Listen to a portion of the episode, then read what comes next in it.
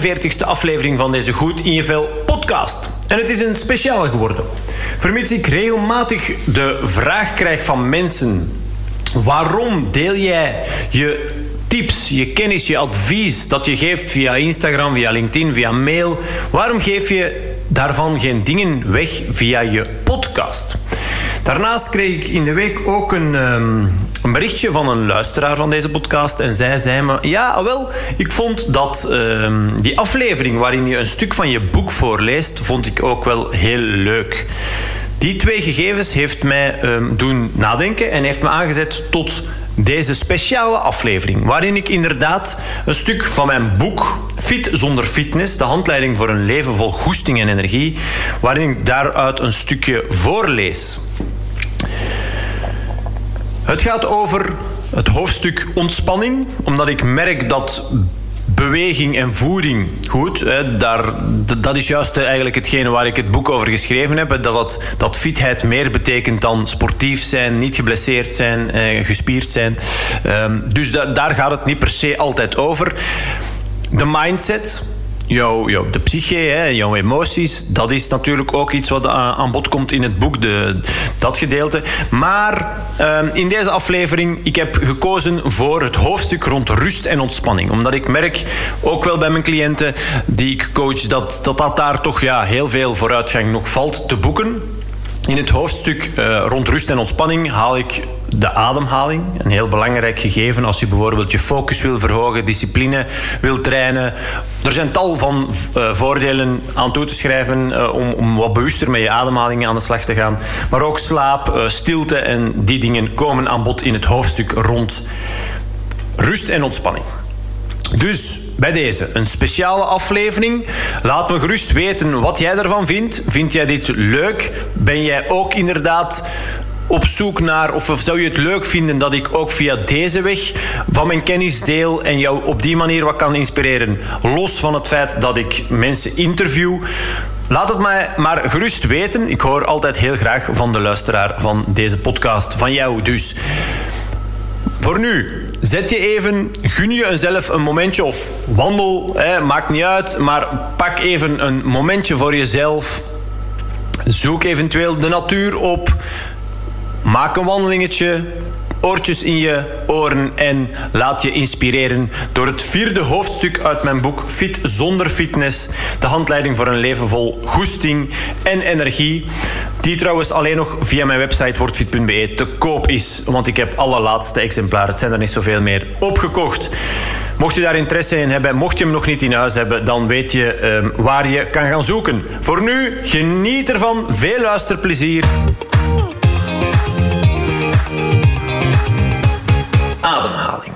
Je ademhaling heeft de grootste impact op je gezondheid. Per dag ademen we 8 tot 29.000 keer, afhankelijk van je ademhalingsfrequentie. En toch staan we er bijna nooit bij stil. Het handige eraan is dat je je ademhaling in principe altijd en overal kan inzetten. Het gaat je echt helpen om met meer goesting en energie door het leven te gaan. Gewoon door regelmatig je aandacht er even bewust naartoe te brengen. Ik omschrijf ademhaling altijd als een veilige haven, waar je altijd heel snel naartoe kan. Hoe ver je ook van wal bent en hoe woelig de oceaan, die je leven symboliseert, ook is. Om te kaderen hoe belangrijk je ademhaling is, bekijk het eens zo. Een mens kan in principe een week zonder vaste voeding. Als je kijkt naar extreme gevallen, zoals hongerstakers, dan zie je zelfs dat mensen nog langer zonder kunnen. Zonder vocht kunnen we minder lang, slechts enkele dagen. Maar hoe lang kunnen we zonder lucht, zonder ademhaling? Zuurstof is eigenlijk onze eerste levensbehoefte. Alleen als je ademt, blijf je leven. De rest volgt dan wel vanzelf. Nu is het zo dat je. Hoe, excuseer. Dus de rest volgt dan wel vanzelf. Nu is het zo dat hoe je ademt zeker zo belangrijk is als je ademhaling zelf. Daarom begin ik in bijna elk coachingstraject met het meegeven wat een correcte en een rustige ademhaling inhoudt en hoe je die kan inzetten in je leven. Je hebt misschien wel eens gemerkt dat je als je een drukke dag hebt, je wat onrustig voelt of, of stress ervaart. Je anders ademt dan wanneer je juist ontspannen en relaxed bent.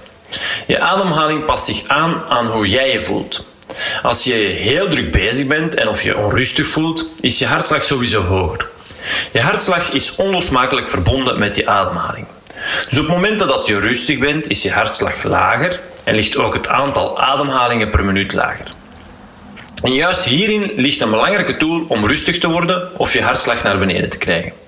Als je tijdens je dag een moment hebt waarop je merkt dat je wat extra onrustig bent, door welke situatie dan ook, dan is er een eenvoudige techniek om het aantal ademhalingsfrequenties, dat is één in- en één uitademing, en daarmee samenhangend je hartslag te laten zakken. Daardoor zal je al snel merken dat je rustiger wordt en dat je je meer ontspannen gaat voelen. Dit is sowieso gezond en gaat ervoor zorgen dat jouw motor, je hart, langer kan meegaan.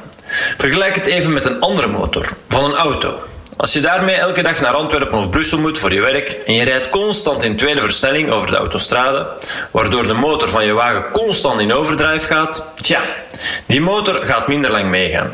En het is net zo met de motor in jouw borstkas daar, links van boven. Ik raad je dus echt aan om rustiger te gaan ademen. En hier dus, zo vaak als je kan, even je aandacht op te vestigen. Oefening. Allereerst is het handig om er voor jezelf achter te komen of jij al dan niet te snel ademt. Door deze oefening te doen, kan je snel achterhalen of jij te snel ademt terwijl je dit aan het lezen bent. Adem in, niet te diep, en verleng bewust je uitademing. Herhaal dit acht keer. Dus adem in, niet te diep, en verleng bewust je uitademing. Neem hier even de tijd voor, doe dit acht keer. Merk je geen verschil met hoe je anders ademt, dan betekent dit nog steeds niet dat je niet te snel gaat ademen in stressvolle situaties. Sowieso ga jij je voordeel halen uit het inoefenen van een rustige ademhaling. Gaat het moeilijk? Heb je het gevoel dat je te weinig zuurstof krijgt? Laat dan bij het begin van je uitademing niet te veel lucht ineens ontsnappen. Dit kan je doen door een teutje te vormen met je lippen en geleidelijk eraan uitademen. Zo ontsnapt er in het begin van je uitademing minder lucht. Probeer dit nog maar eens acht keer te doen. Dus adem in, niet te diep en probeer bewust je uitademing te verlengen.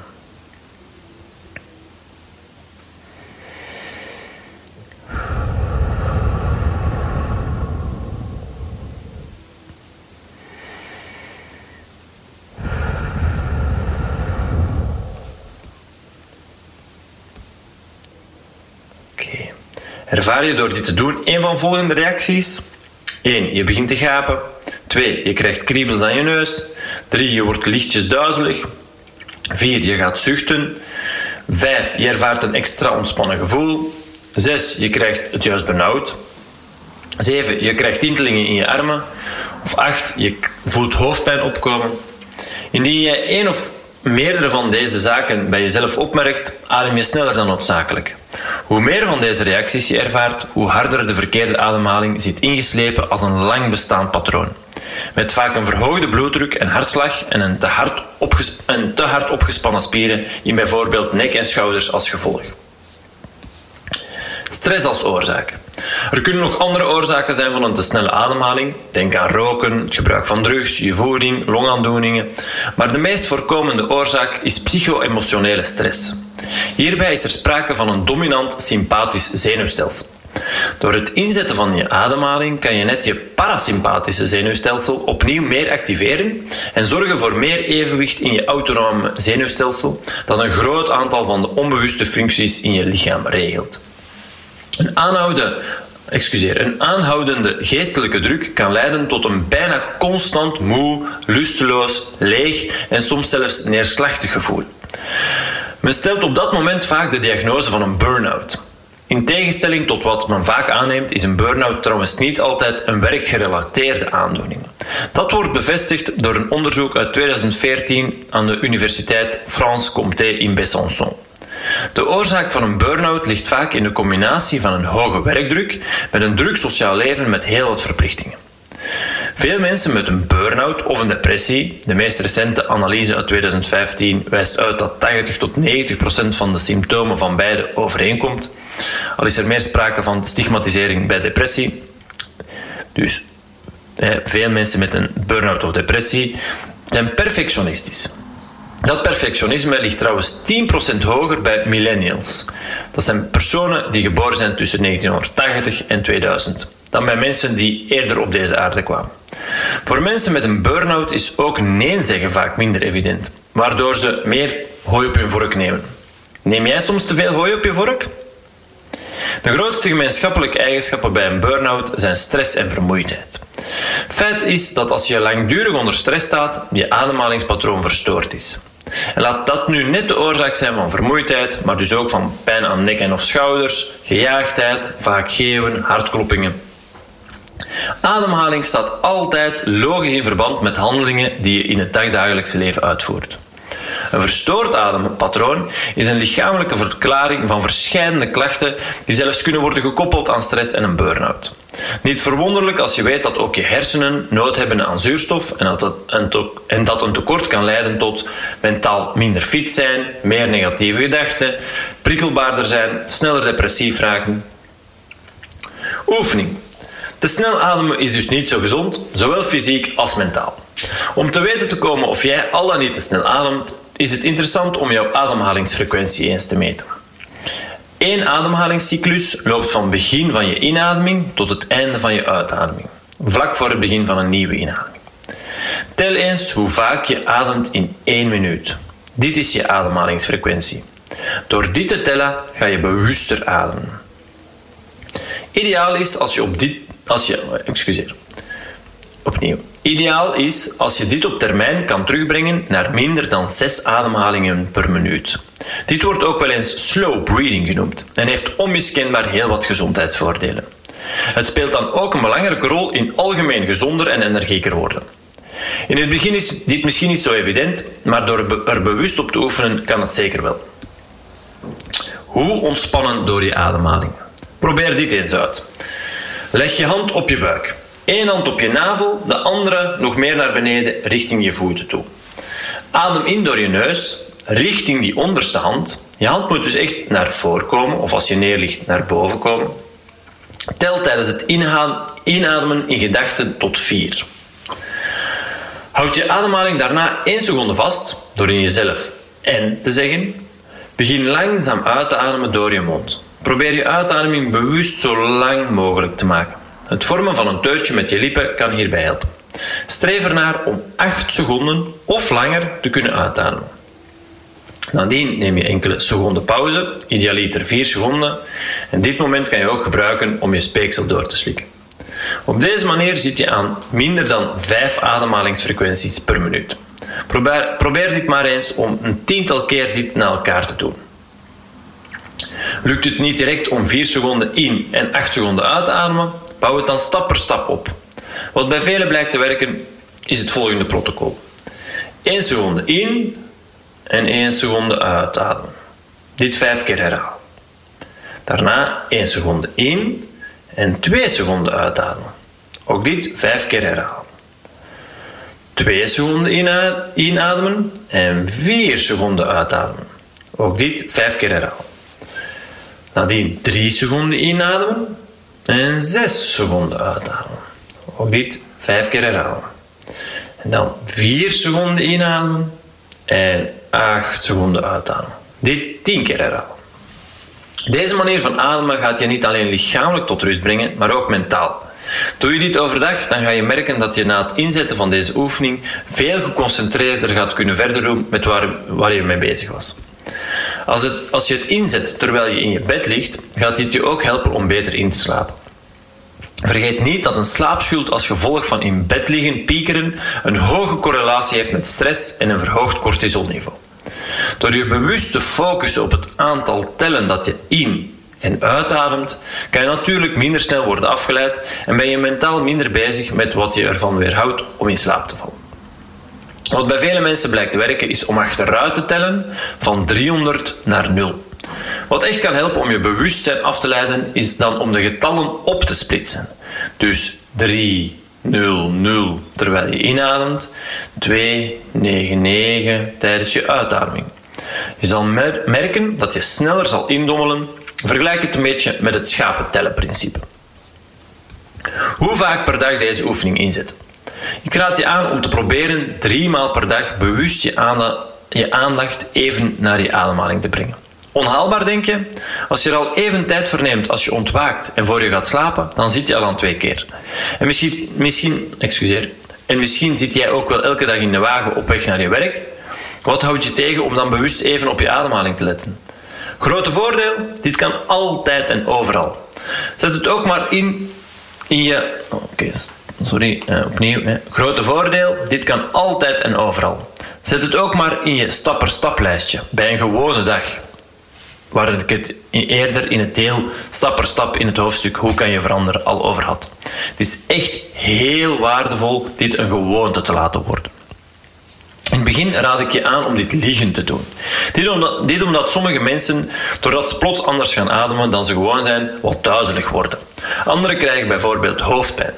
Indien dit het geval is, wijst dit echt wel op het feit dat jouw ademhalingspatroon op dit moment verkeerd zit. Na een tijdje hoef je hiervoor uiteraard niet elke keer te gaan neerliggen. Dan kan je dit ook gewoon gaan toepassen doorheen de dag. Zeker als je dit een tijdje liggend hebt ingeoefend, kan je dit in principe altijd en overal toepassen. Drie keer per dag moet dus eigenlijk echt wel haalbaar zijn.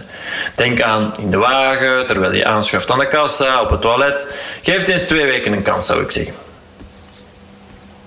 Hoe deze vorm van ademen aanleren.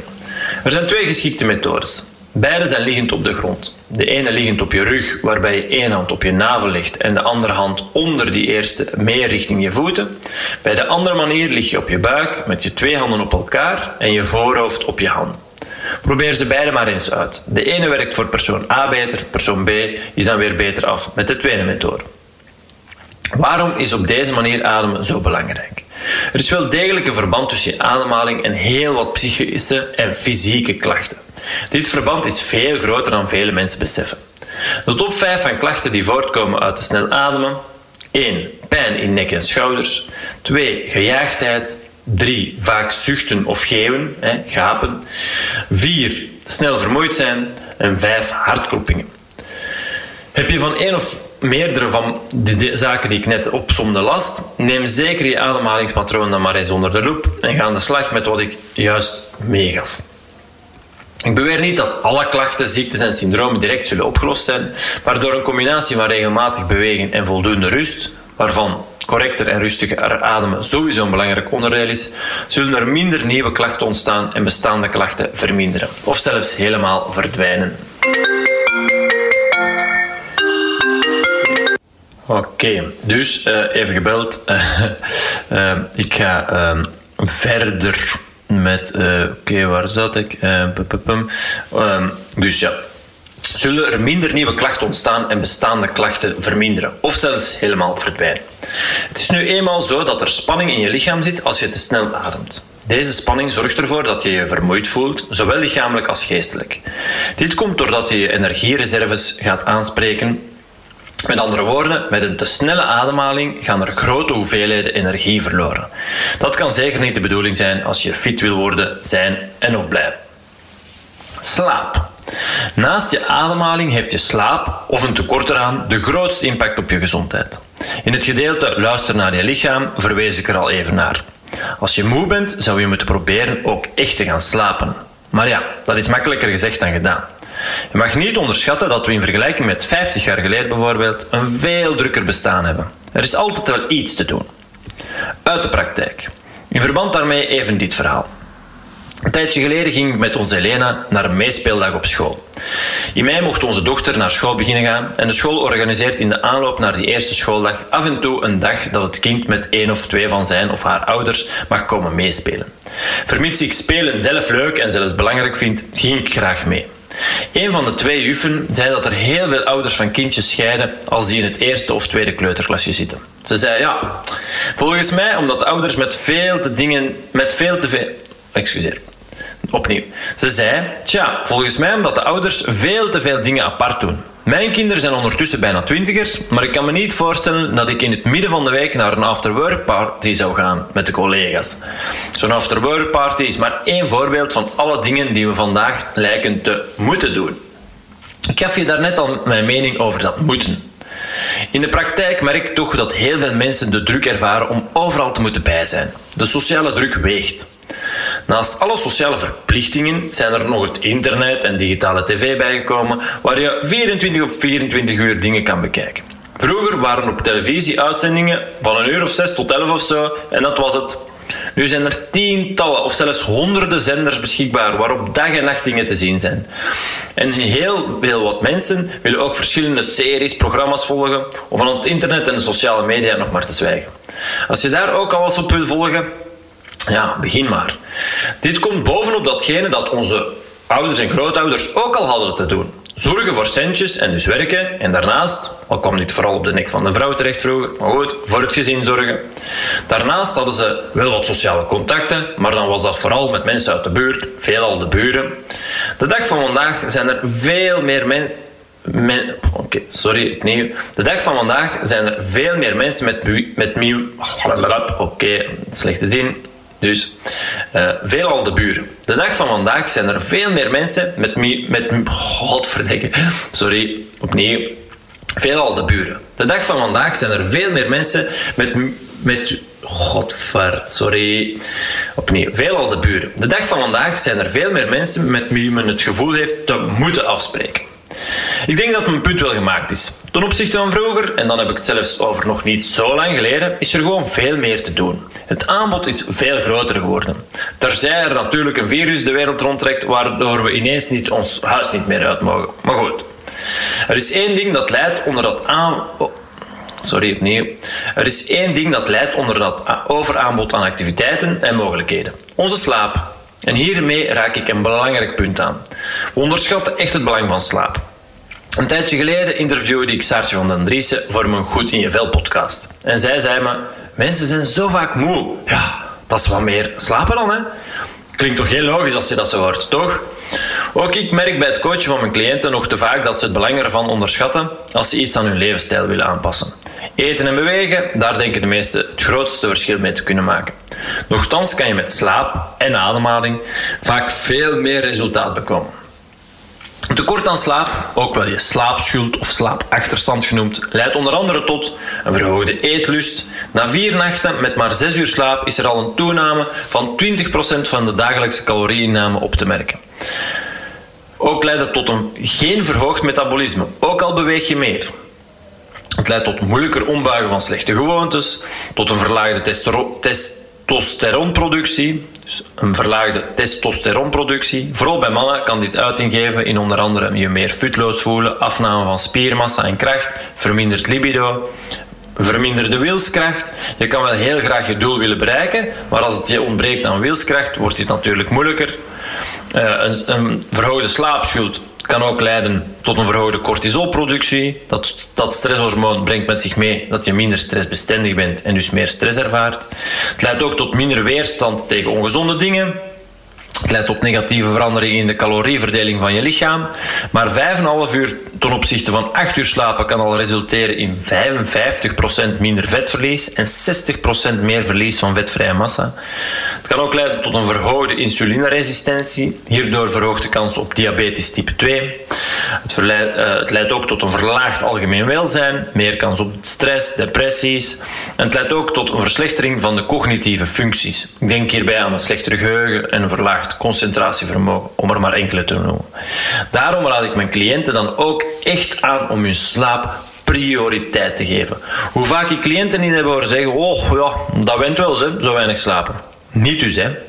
Dat is echt een veel voorkomende misvatting. Totale onzin. Je went als mens niet aan te weinig slaap. Weinig slapen betekent roofbouw plegen op je lichaam. Chronische roofbouw. Dat betekent dat je er blijvend schade van gaat ondervinden. Van te weinig slapen heb je altijd last. Daarom is het zo belangrijk om van slapen een prioriteit te maken. Herken jij dit? Van de gevolgen van een slaapschuld of achterstand ben je je niet altijd bewust. Daarom is het wel waardevol deze te kunnen herkennen. Ervaar jij overdag soms één of meerdere van deze zaken? Hazenslaapjes, tot 10 seconden zo even. Oeh, oké, ja, ik was even weg.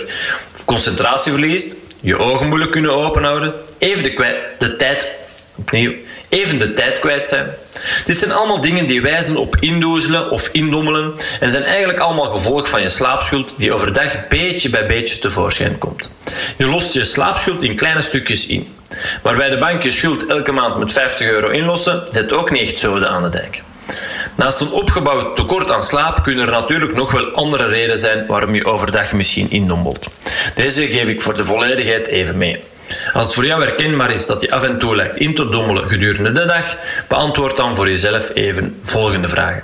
Is er misschien een medicijn dat ik neem dat het indommelen kan verklaren? Vraag dit even na bij je huisarts en of apotheker.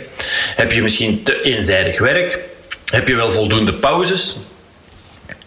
Boven, deze zaken, excuseer het dus opnieuw, deze zaken kunnen dus ook wel voor een stuk verklaren waarop jij overdag een klopje krijgt en eigenlijk de behoefte hebt om een dutje te gaan doen. Tips tegen indommelen. Kan je dat indommelen ook tegengaan? Dat kan zeker. Probeer onderstaande zaken maar eens. Dat kan, dat kan zeker. Probeer de zaken die ik net. Die, Oké, dus tips tegen indommelen. Kan je dat indommelen ook tegengaan? Dat kan zeker. Probeer de dingen die ik zo dadelijk ga meegeven maar eens toe te passen als jij voelt dat je begint te knikkenbollen. Stel jezelf bloot aan fel licht. Het tegenovergestelde geldt trouwens ook. Wil je goed en vast slapen, dan is elke vorm van licht eigenlijk uit een boze. Zelfs het kleinste nachtlampje, zelfs een waaklampje op je computer of je tv kan al voldoende zijn om je nachtrust en je biologische klok te verstoren. Neem een pauze en probeer daarin actief te zijn. Probeer ervoor te zorgen dat je hartslag even de hoogte ingaat, zonder dat je daarbij hoeft te beginnen te zweten. Bijvoorbeeld een paar keer de trap op en af gaan kan al helpen. Zoek de frisse buitenlucht op. Ook dat kan echt helpen als je voelt dat je zo wat indommelt. En je kan die laatste twee natuurlijk ook gewoon combineren. Naar buiten gaan en daar even, twee minuutjes is al voldoende, wat bewegen. Wandelen is al oké, maar beter zijn zaken als enkele malen opspringen, enkele oefeningetjes doen, een paar meter over en weer lopen, op en af de onderste trap, uh, treden van een trap, stappen of springen. De mogelijkheden zijn eigenlijk eindeloos. Ideaal is als je voelt dat je hartslag even omhoog gaat. Als je van slapen een prioriteit maakt en je slaaptekort stap per stap probeert weg te werken, ga je bij wijze van spreken 10 jaar jonger worden. Of je toch zeker zo voelen. Al zijn er ook echt wetenschappelijke bewijzen in die richting. Zo hebben onderzoeken aangetoond dat goed slapen direct verband houdt met een verminderde kans op overgewicht en een afname van buikvet. Sowieso gezond dus. Tips voor een betere nachtrust. 1. Zorg voor een goede slaapomgeving. Zoals daarnet al aangegeven is het belangrijk om te slapen in volledige duisternis. Zorg er dus voor dat je kamer goed geblindeerd is. Dit kan onder andere met voldoende dikke gordijnen. Zelfs stand-by-lichtjes van elektronische apparatuur kunnen je slaapkwaliteit al beïnvloeden. Een weklicht vormt hierop wel een uitzondering. Plaats geen tv in je slaapkamer. Sommigen beweren dat ze hierdoor tot rust komen en daardoor makkelijker in slaap geraken. Niets is minder waar. Door de immens veel bewegende beelden en daarmee samenhangend de, de duizenden prikkels die je hersenen te verwerken krijgen, ga je juist minder goed inslapen of al geheel slapen. Vermijd irritante geluiden zoals een ventilator of airco. Probeer dus zoveel als kan in een volledig stille omgeving te slapen. Om deze punten in de praktijk om te zetten kunnen een slaapmasker en of oordopjes helpen. 2. Bescherm je slaap. Zorg ervoor dat je niet gestoord, gestoord wordt tijdens je slaap. Zeker voor mensen die s'nachts moeten werken is dit superbelangrijk. Zorg ervoor dat je vrienden en of kennissen weten dat je van, van en tot een bepaald uur slaapt. Als jij laat weten wanneer je slaapt, dan kunnen ze je niet storen. Zet je mobiele telefoon in de speciaal daarvoor, uh, daarvoor voorziene slaapstand. Zet niet te laat nog afspraken in je agenda. De kans dat je dan op tijd in je bed geraakt en dus morgens uitgerust gaat zijn, is veel kleiner. Laat opblijven door een bepaald tv-programma is ook niet het beste idee eigenlijk. Nog te vaak hoor ik van mensen dat ze bij zijn wakker gebleven om dit of dat programma nog te zien. Eh, bijvoorbeeld Slimste Mens of Dertigers of whatever. Eh, of Vive Velo. En dingen die wat later op de avond worden uitgezonden en ja, pas na 11 uur vaak gedaan zijn. En je dan in je bed ligt, is het gegarandeerd half twaalf. En als je dag nadien, zoals bij veel mensen het geval is, rond half zeven, zeven uur s ochtends moet opstaan, tja, dan kan het wel eens zijn dat je stapje per stapje een slaapachterstand opbouwt. Ik denk dat de meerderheid van de bevolking wel een digicorder heeft, toch? Neem je favoriete programma op en bekijk het op een ander moment. Verslind desnoods alle afleveringen op een zaterdagavond, zondag na de middag, of het speelt geen rol als je tijd hebt en echt niks anders hebt te doen. Maar vlak voor het slapen, hmm. hoeveel moet je slapen? Je slaap wat meer prioriteit geven. Ja, allemaal goed en wel, maar wat is nu voldoende slapen? Hoeveel uur zou je elke dag moeten proberen te slapen? Dat is voor iedereen anders. Wel raad ik je aan om zeker tussen de 6 en de 10 uur per nacht te slapen. Heb je 7 uur geslapen en ben je s niet uitgerust, ja, ga dan systematisch vroeger naar bed, zodat je meer dan 7 uur kan slapen en je lichaam dus meer rust kan bieden. Begin gewoon met een kwartiertje eerder te gaan slapen. Dit kan bijvoorbeeld iets zijn wat je op een normale dag kan inplannen had het daar al eerder over bij stap per stap. Ik kan je echt alleen maar aanraden van slaap een prioriteit te maken. Hopelijk heb jij nu al een beetje ingezien waarom dit zo belangrijk is. Dutjes. Naast nachts, nacht, naast nachts excuseer, voldoende en liefst goed slapen is er nog iets wat heel gezond is als het op slapen aankomt. Het is wel iets dat nog steeds of terug een beetje not done is in onze maatschappij. Ik bedoel een dutje doen, overdag. In de generatie van onze grootouders, ouders, is dat echt iets wat, wat niet kan hè, of, kon. Dat doet het toch niet, denk weer... Uh, Denk weer aan wat ik eerder uh, al aangaf. Hè. Doordat zij of uh, zijzelf of hun ouders de oorlog hebben meegemaakt, zijn ze opgevoed met werken, werken, werken. En ja, dan gaat het toch overdag geen dutje doen, zeker. Nochtans heeft men in het zuiden van Europa bijvoorbeeld lange tijd dat wel gedaan. En daar zag men dan dat de levensverwachting toch ook lange tijd wat hoger lag dan hier. Oké, hun mediterrane dieet zat er ook voor iets tussen, maar toch. Ze leefden wel langer. En laat dat nu zijn wat ik u wil meegeven in, in dit boek. Eh, in dit luisterboek. Manieren om langer en gezond energiek in leven te blijven. Dutjes kunnen daar dus bij helpen. Concreet, powernaps van 6 tot maximaal 30 minuten hebben echt een positief effect. Het is natuurlijk afhankelijk van hoeveel tijd je hebt en misschien ook een kwestie van uit te testen wat het best voor jou werkt.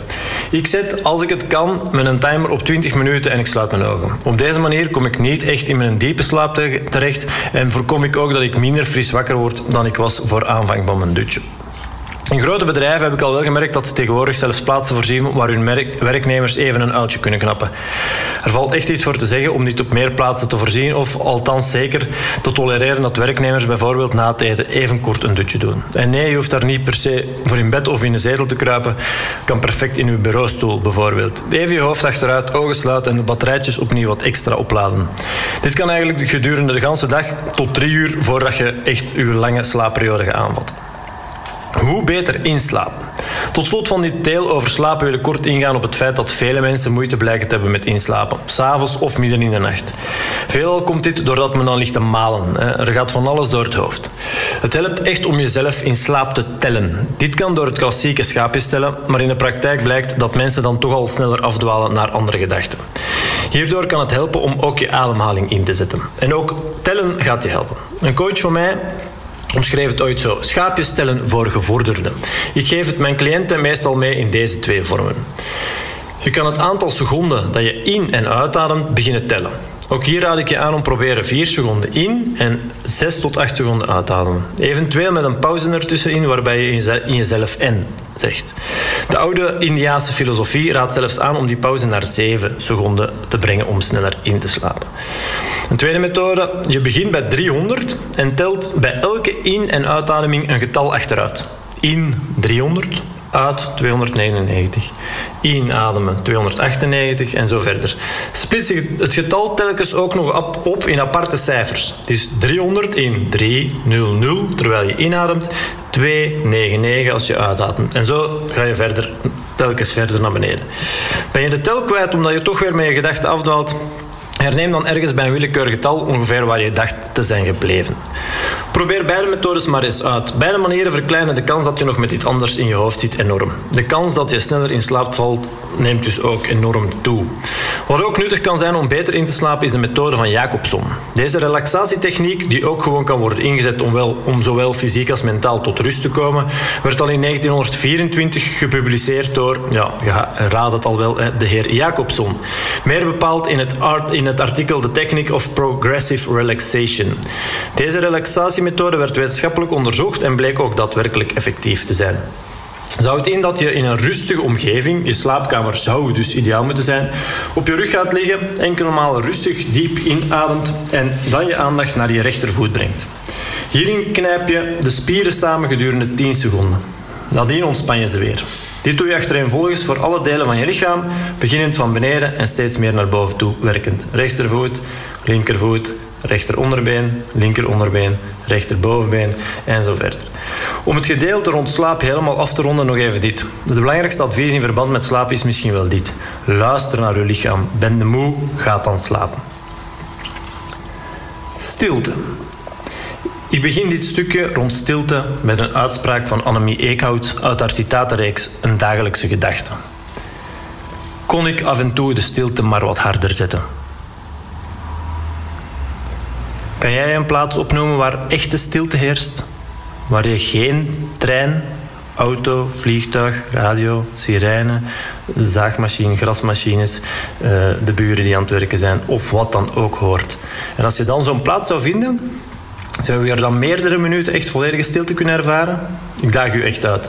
Als je zo'n plaats vindt, je mag me het altijd laten weten, ik kom ze heel graag met u ontdekken. Voorbeeld. Het verschil tussen kinderen van vroeger en nu maakt dit mooi duidelijk. Vroeger konden ze bij wijze van spreken bijna mediterend de werkelijkheid ervaren. Gewoon niets doen. Vandaag moeten kinderen precies altijd iets om handen hebben en er is er daarnaast nog een enorme drang naar afwisseling. Altijd iets anders. Zou dat komen door de vele flitsende beelden die hun hersenen te verwerken krijgen? En zouden er daar ook meer, eh, daardoor ook meer kinderen met concentratiestoornissen zijn? Goeie vraag. Opnieuw de rijkdom van stilte kunnen ontdekken is dan ook niet evident in tijden waar ja, muziekclips, computerspelletjes, tv-programma's, social media allemaal schreven om de aandacht van het kind. Maar wat geldt voor kinderen, geldt natuurlijk ook gewoon voor ons, volwassenen. Leren genieten van de stilte. Daarvoor is natuurlijk ook nodig om te kunnen zwijgen.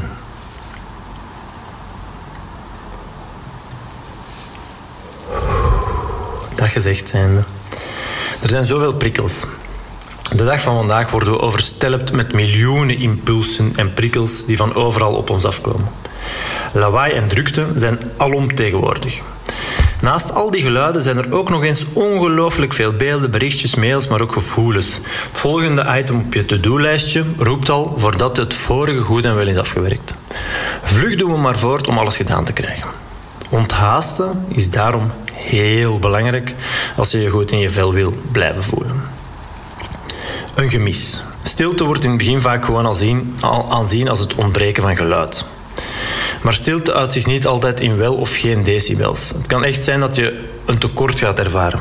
Er is iets niet. Dat kan een soort van onzekerheid met zich meebrengen en zelfs bepaalde angsten kunnen hierdoor naar boven komen. De leegte die ontstaat vult zich dan met angst. En dat kan dus gewoon angst voor leegte zijn. Daarom ontvluchten we vaak weer snel die stilte, om wat gemist wordt weer terug te halen. De leegte moet opnieuw worden opgevuld met iets. Geluiden, gelach, beelden, beweging. Zie het niet zo. Stilte wordt ook vaak geïnterpreteerd als of geassocieerd met iets wat opgelegd wordt door anderen. Dit heeft veel te maken met onze kindertijd, waarin we moesten stilzitten, stil in de rij gaan staan zonder iets te zeggen, stilzitten op onze stoel, nu eindelijk eens stilstaan, gaan we nu eindelijk eens stilstaan. Onze natuur en spontaniteit lijken telkens onderdrukt te worden.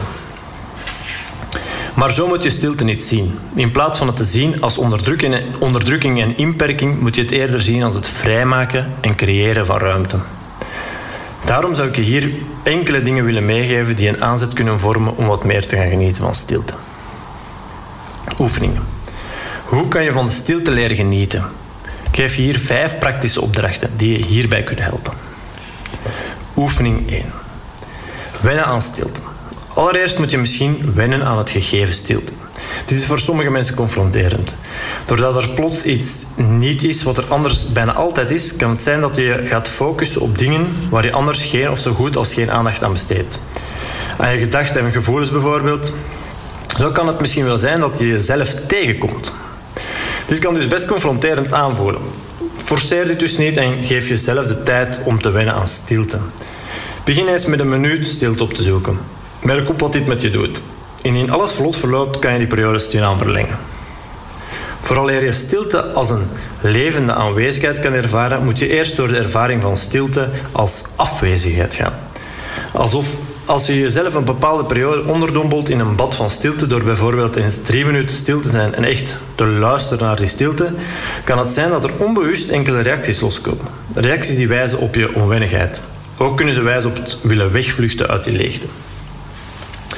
Merk op dat je onbewust begint te kuchen, je, je keel begint te schrapen, kleine subtiele of grotere bewegingen begint te maken, wil beginnen lachen, op je stoel begint te schuiven.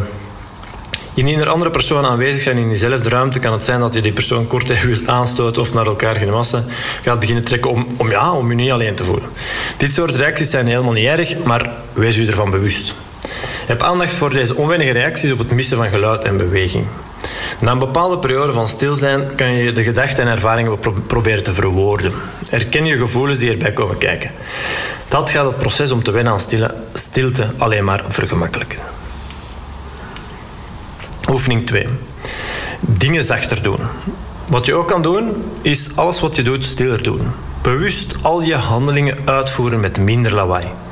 Misschien ben je er niet van bewust, maar veel van je activiteiten maken best wel veel geluid. Een stoel onder tafel schuiven, een pot of pan uit de kast halen, een deur dicht doen. Probeer eens echt een tijdje alle dingen die je doet zo stil mogelijk te doen. Zo zachtjes mogelijk lopen. Niets aantikken, iets neerleggen zonder enig geluid. Dit vraagt om zachte, rustige, voorzichtige en trage bewegingen. Je zal ook opmerken dat dit wat meer tijd vraagt. Het leven is sowieso al zo gejaagd dat het geen kwaad kan om dit af en toe eens bewust te doen. Het draait dan om meer dan enkel stilte. Het gaat dan ook om een andere houding en verhouding, waardoor het kan zijn dat je op een andere manier naar de werkelijkheid gaat kijken. De voorwerpen die je vastneemt en gebruikt, geef je een andere waarde mee. Als je met, als je met rust, zachtheid en traagheid hanteert. De werkelijkheid waarin je leeft en je beweegt krijgt een andere betekenis. Oefening 3. Meer aandacht voor je gedachten. Als je bewust ruimte gaat maken voor stilte, kan je ook ineens ruimte maken voor je gedachten. Om die meer aandacht te geven. Wat denk je? Wat voel je? Het kan hierbij helpen om je op een stoel te zetten in een ontspannen houding met een neutrale rug en je voeten allebei helemaal op de grond. Ontspan je nek, je schouders en armen, leg je handen op je bovenbenen. Eventueel sluit je je ogen, dan ben je misschien minder afgeleid. Adem rustig en word je bewust van je gedachten. Goed naar je buik inademen. Door je neus en langzaam uitademen. Herhaal dit maar een paar keer. Goed naar je buik in en langzaam uit. Oké. Laat de gedachten opkomen. Sla ze gade en laat ze ook weer opnieuw verdwijnen. Doe dit enkele malen. Laat de gedachten toe. Geef die even aandacht. En laat ze weer los. Sta nadat je gedachten een tijdje hebt op laten opkomen en verdwijnen. En stil bij je gevoelens. Word je hiervan bewust. Hoe voel je je nu? Gelukkig, blij, boos, verdrietig, enthousiast, onzeker, triest, angstig? Bewust worden van je gevoel geeft je ook even extra aandacht, maar laat je na een tijdje ook bewust weer los. Doe nu hetzelfde met gewaarwording in je lichaam. Door eerst aandacht te geven aan je mentale toestand, toestand en nadien aan je lichamelijke toestand geef je jezelf ruimte. Het is een manier om zorgzaam, maar ook rustgevend en waarderend met jezelf om te gaan. Word dus getuige van je eigen ervaringen en belevingen. Je bent er misschien afgeleerd om stil te zitten. En daarnaast nog eens stil te zijn ook. Het zou dus zomaar kunnen dat je allerlei kleine of grotere ongemakken gaat ervaren. Bepaalde spieren beginnen te trillen, kriebelingen of echt jeuk, zenuwachtig worden, ongemakkelijk beginnen voelen, beginnen zweten zelfs. Het kan allemaal. Dat is niet erg. Geef ook maar bewust daar even aandacht aan. Laat dit soort spanningen toe. Nu wil ik een krimpeling opkomen aan mijn rechtervleugeltje. Dat is eigenlijk niet zo aangenaam, maar ja, het is tenslotte maar een prikkeling. Net zoals gedachten verschijnen en je deze ook bewust kan laten weggaan door ze niet vast te houden, kan je ook dit soort van zaken weer laten verdwijnen. Oefening 4. Bewust bezig zijn met je ademhaling. Ook een goede oefening is om het opzoeken van stilte te combineren met het bewust bezig zijn met je ademhaling. Zoek een plekje waar je je goed voelt. Zet je op een stoel of leg je neer op de grond. Let dan bewust op waar je ademhaling zich bevindt. Hoog in je keel, bovenin je borstkas, bij je middenrif, diafragma of, of in een buik echt. Leg je hand daar waar je ademhaling zich volgens jou vooral afspeelt. Sta nu even recht en begin rond te wandelen. Blijf je hand daar houden waar je voelt dat je ademhaling zich bevindt. En ga even sneller, sneller wandelen. Blijf je ademhaling voelen. Versnel je tempo zodat je je hartslag voelt toenemen. Wees je bewust van wat dit doet met je ademhaling. Laat je tempo opnieuw zakken, maar blijf nog even wandelen. Stop. Plots. Plots. Alsof je een standbeeld bent. Hield je ook nog even je adem in? Er is dus wel degelijk een groter verband tussen je bewegingen en je ademhaling dan je misschien besefte. Laat nu je standbeeld achter en ga opnieuw zitten of liggen. Maak nu even tijd om bewust op je ademhaling te oefenen. Hoe je dat doet, gaf ik eerder al mee in dit luisterboek. Goed naar je buik inademen. Bedenk nadien hoe je je hebt gevoeld terwijl je deze oefeningen aan het uitvoeren was. Benoem je gevoelens. Spreek je ervaringen eventueel ook uit tegen iemand anders. Ook op deze manier kom je weer al wat dichter bij jezelf. Oefening 5. Beschrijven van de stilte. Je kan ook eens proberen om stilte te benoemen. Uw belevingen en indrukken van bovenstaande opdrachtjes weer te geven. Probeer een uitdrukking te geven aan uw gevoelens, afleidingen, gewaarwordingen. Hoe voelde je je? Aanwezig of totaal niet? Hoe ervaarde je de werkelijkheid? Anders, dieper, probeer uitdrukking te geven aan wat de stilte met je deed. Gebruik eventueel een symbool of beeldtaal, metaforen.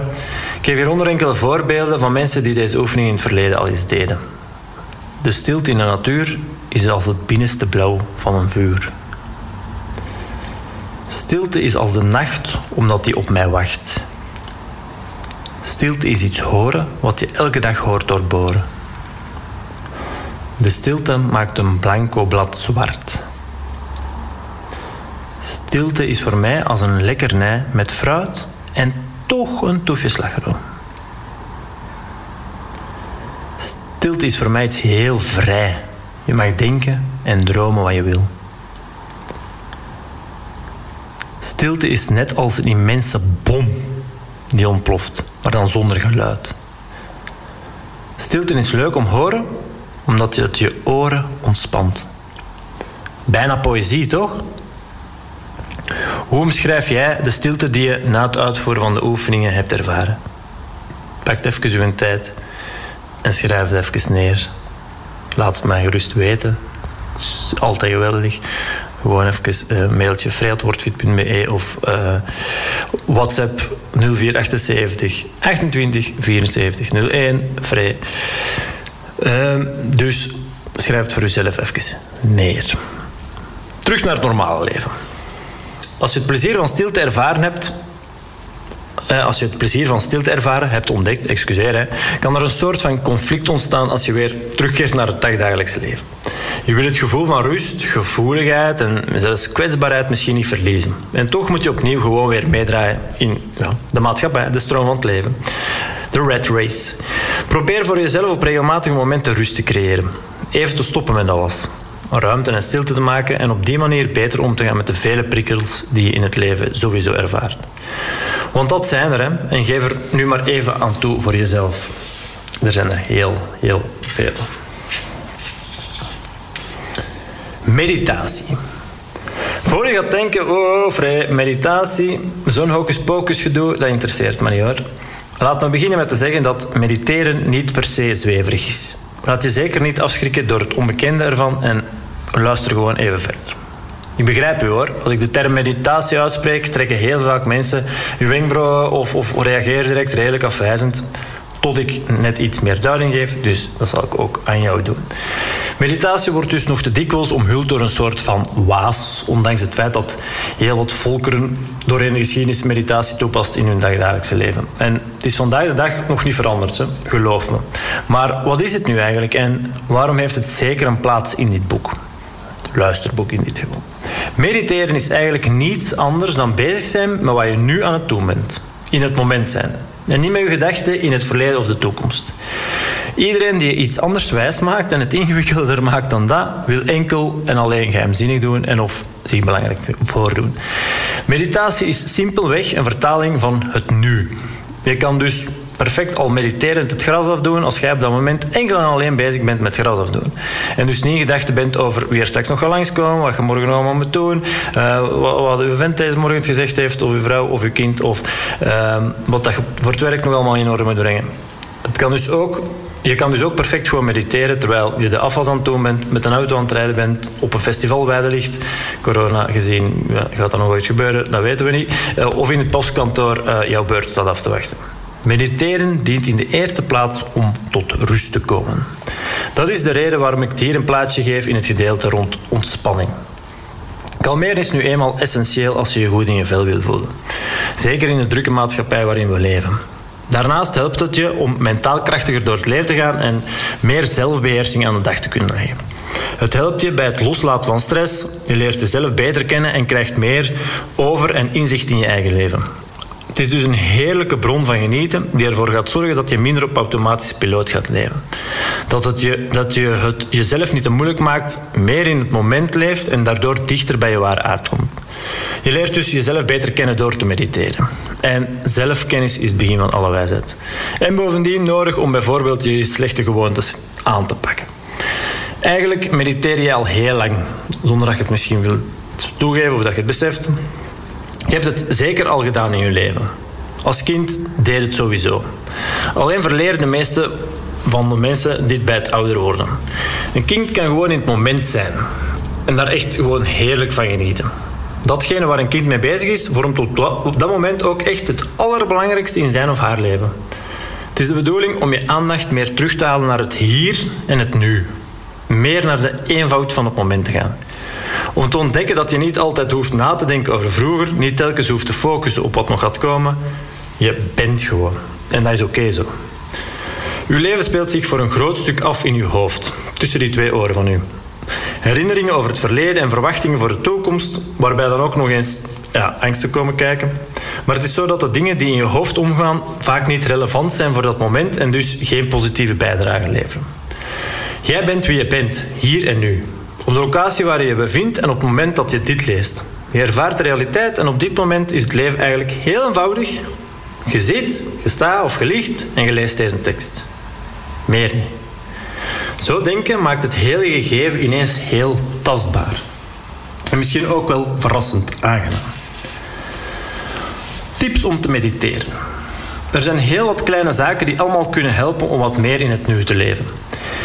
Denk bijvoorbeeld aan verminderen van de vele prikkels die je dagelijks te verwerken krijgt, bewust stilte op te mindfulness en dus heel bewust een stukje chocolade opeten echt papiertje uitpakken.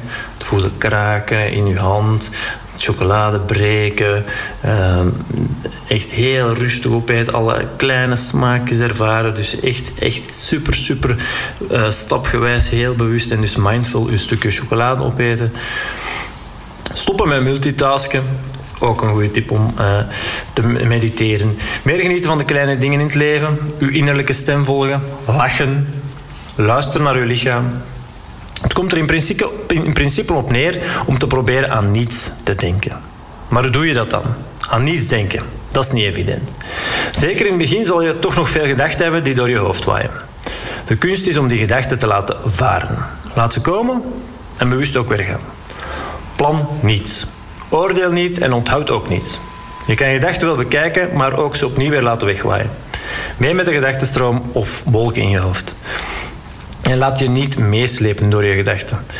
Door hier bewust op te oefenen, ga je merken dat je na een tijd je gedachten gaat kunnen controleren. Hierdoor kan je, kan je hoofd ook echt gaan leegmaken. Meditatie-app nodig. Ik som hierboven al enkele zaken op die je gaan helpen. Of hierboven, ik zei daarnet al, eh, gaf ik al enkele zaken mee. Die je gaan helpen op wat meer in het nu te leven. Maar het simpelst is gewoon om je aandacht toe te spitsen op je ademhaling. Ik wijde er net al uh, er een stukje aan en dat was natuurlijk niet zomaar. Je ademhaling is gewoonweg een prachtig stuk gereedschap. Altijd bij de hand en dus altijd daar om je te helpen kalmeren en tegelijkertijd je aandacht naar het hier en nu te brengen. Waar of wanneer dan ook. Je hebt dus geen specifieke meditatie-app nodig. Al blijkt uit een bundeling van wetenschappelijke onderzoeken uit 2016 dat apps die het mediteren moeten verbeteren wel degelijk een positief effect hebben op het cognitief functioneren. Alleen was er bij slechts 4% van de gebundelde onderzoeken ook een goed opgezette controlegroep, wat vraagtekens zet bij de kwaliteit van de onderzoeken. In een ander onderzoek uit 2018 werd de populaire meditatie-app Headspace vergeleken met bewust focussen op je ademhaling. Er bleek geen verschil te zijn qua cognitief functioneren tussen de proefpersonen die wel en niet met de betreffende app aan de slag gingen. Daarom raad ik je echt aan om zo, vaak mogelijk, bijvoorbeeld op momenten waarop je niet weet wat doen, je aandacht even naar die ademhaling te brengen. Je kan mediteren zeker ook op je stap-per-stap-lijstje zetten bij een gewone dag. Ik had het daar al eerder over in het hoofdstuk eh, hoe kan je veranderen bij stap per stap. Al deed je Um, dus al deed je dat misschien al onbewust. In het gedeelte rond ademhaling had ik, had ik je ook al aangeraden om bewust ademen op je stap per stap lijstje te zetten. En ik gaf je net mee dat bewust ademhalen en mediteren eigenlijk op hetzelfde neerkomen. Het voordeel is dat het niet lang hoeft te duren. Ik zou zeggen, experimenteer er wat mee met het aantal minuten. Zie wat haalbaar is en wat voor jou werkt. Is het ene minuut? Zijn het er vijf? Of probeer je voor een kwartiertje te gaan? Het is net zoals een dieet. Het beste dieet is het dieet dat jij kan volhouden, stap per stap. Mediteren hoeft dus niet moeilijk te zijn. Hè? Je hoeft er heus niet voor in een bepaalde ingewikkelde pose te gaan zitten of zo. Het kan ook zonder speciale oefeningen, methodiek of benodigdheden. Ook de ruimte waarin je bevindt en omstandigheden spelen geen rol. De natuur opzoeken. Door het vorige gedeelte hoop ik dat je hebt ingezien dat mediteren niet zo moeilijk hoeft te zijn. In de praktijk blijkt het echter voor velen toch niet zo evident om hiermee aan de slag te gaan. Op zich hoeft dit geen probleem te betekenen, vermits de voordelen die worden geassocieerd met meditatie, en dus gewoon goed bewust alleen met je ademhaling bezig zijn, ook kunnen worden bekomen door je tussen het groen te begeven. Door de natuur in te gaan. Hierbij hoef je je aandacht niet bewust naar iets of net niets te brengen. Al is het natuurlijk wel zo dat door het feit dat je je in de natuur bevindt, niet te veel wordt afgeleid door impulsen die je buiten het bos wel ervaart. Dit kan wel helpen om even te ontspannen. De heilzame werking van blootstelling aan de natuur is aangetoond door zowel wetenschappelijke onderzoeken die gebruik maakten van zelfrapportage, als ook door onderzoeken met objectieve metingen die keken naar zaken als bloeddruk, hartslag, spierspanning, transpiratie en cortisolniveaus. Kenmerken van negatieve stress nemen af door gewoon in contact te komen met planten of in de natuur te zijn. Dat kwam al naar voren in onderzoek uit 1991 en werd ook nog eens bevestigd door een onderzoek uit 2005, waaruit zelfs bleek dat de psychologische toestand van mensen verbeterde als ze werkten in een bureauomgeving met zicht op een al dan niet echte groene omgeving en, er zich binnen de werkruimte planten bevonden.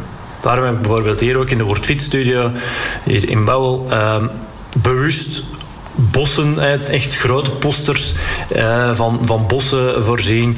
Um, en oké, de, de, buurman heeft een bos, dus dat helpt ook wel natuurlijk. Daarnaast werd aan de Universiteit van Cambridge aangetoond dat je in de natuur begeven een bevorderend effect heeft op het concentratievermogen. Het onder controle houden van negatieve emoties en het omgaan met aangetoonde stress zou nou weer verbeteren als je regelmatig je favoriete groene plekje in je nabije omgeving opzoekt. En zo kan ik nog wel wetenschappelijk onderzoek aanhalen die aangeven dat je makkelijker tot rust kan komen en minder snel uit evenwicht raakt als je regelmatig de natuur opzoekt. Ziezo, dat was hij weer al. Hopelijk heb jij er ook weer al heel wat uit opgestoken. Ik ben benieuwd. Vind jij dit leuk? Niet per se dat ik uit mijn boek voorlees, maar ik kan natuurlijk ook gewoon heel wat tips en adviezen die ik via andere kanalen meegeef, via deze podcast meegeven. Ik ben heel benieuwd. Wat vind jij het leukst? Vind jij het uh, leuk om interviews te beluisteren? Vind je het leuk om geïnspireerd te worden door mij? Of zeg je van, ah wel, een combinatie van beide is misschien ideaal. Uh, misschien doet, ja, doet het mij nadenken en uh, noopt het mij om ja, het concept een klein beetje aan te passen. Maar ja, ik uh, kijk daarbij graag in jouw richting in de richting van de luisteraar van deze podcast. Laat heel graag, uh, ja, laat maar iets weten. Ik hoor heel graag van jou.